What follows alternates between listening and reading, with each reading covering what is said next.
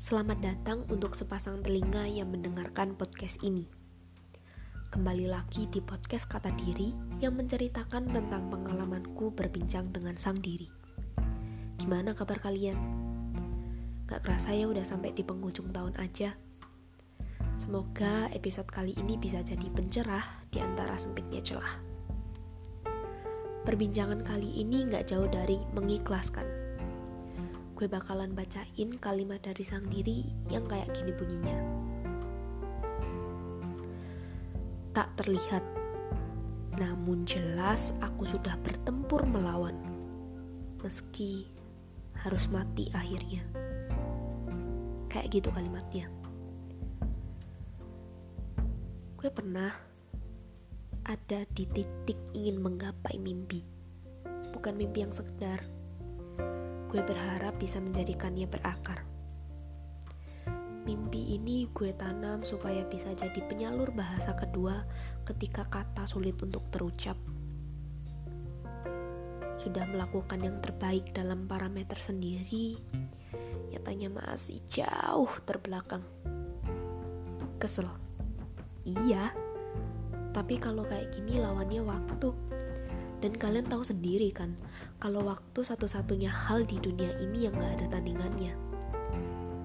Gue paham ini melelahkan, bahkan sampai jadi keteteran. Udah dibelain mati-matian, tetap aja bukan itu yang kita dapatkan. Kalau katanya Mas Kunto Aji, yang dicari hilang, yang dikejar lari yang ditunggu, yang diharap. Biarkanlah semesta bekerja untukmu. Gak bisa nyanyi tapi tetap maksa. Oke, kita lanjut. Setuju banget sama kalimat biarkanlah semesta bekerja untukmu. Karena pemenang sesungguhnya adalah mereka yang membenamkan diri dalam pesatnya dunia dan membiarkan semesta bekerja dalam dirinya. Bukan berarti kalah, tetapi memberikan ruang untuk bertumbuh tanpa adanya tekanan. Jadi,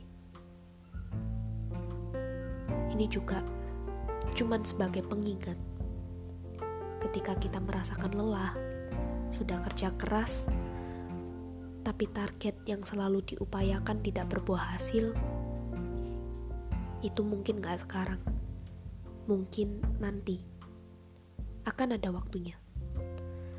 Setidaknya yang dicari sudah ada di dalam sang diri.